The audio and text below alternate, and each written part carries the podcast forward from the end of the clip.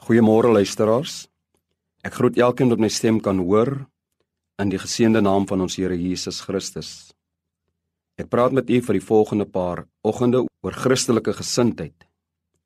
Vanoggend se skriflesing is opgeteken in Filippense 2 vers 5 en lees as volg: Dieselfde gesindheid moet in julle wees wat daar ook in Christus Jesus was.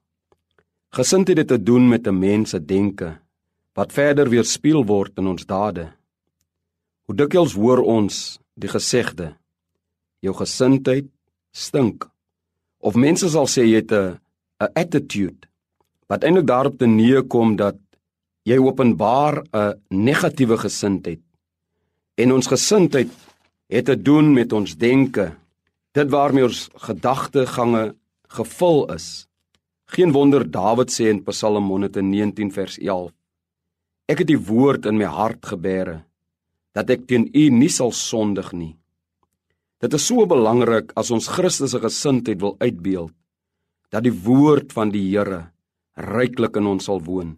En mag God ons van môre genade skenk dat wat ons al ook openbaar deur ons denke of deur ons dade dat dit Christus sal verheerlik.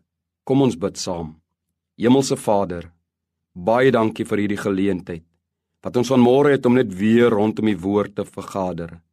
Skenk ons daarom genade, Heer, om so te lewe vandag deur dit wat ons doen, wat ons sê of self wat ons dink, dat alles sal strek tot eer en verheerliking van U naam.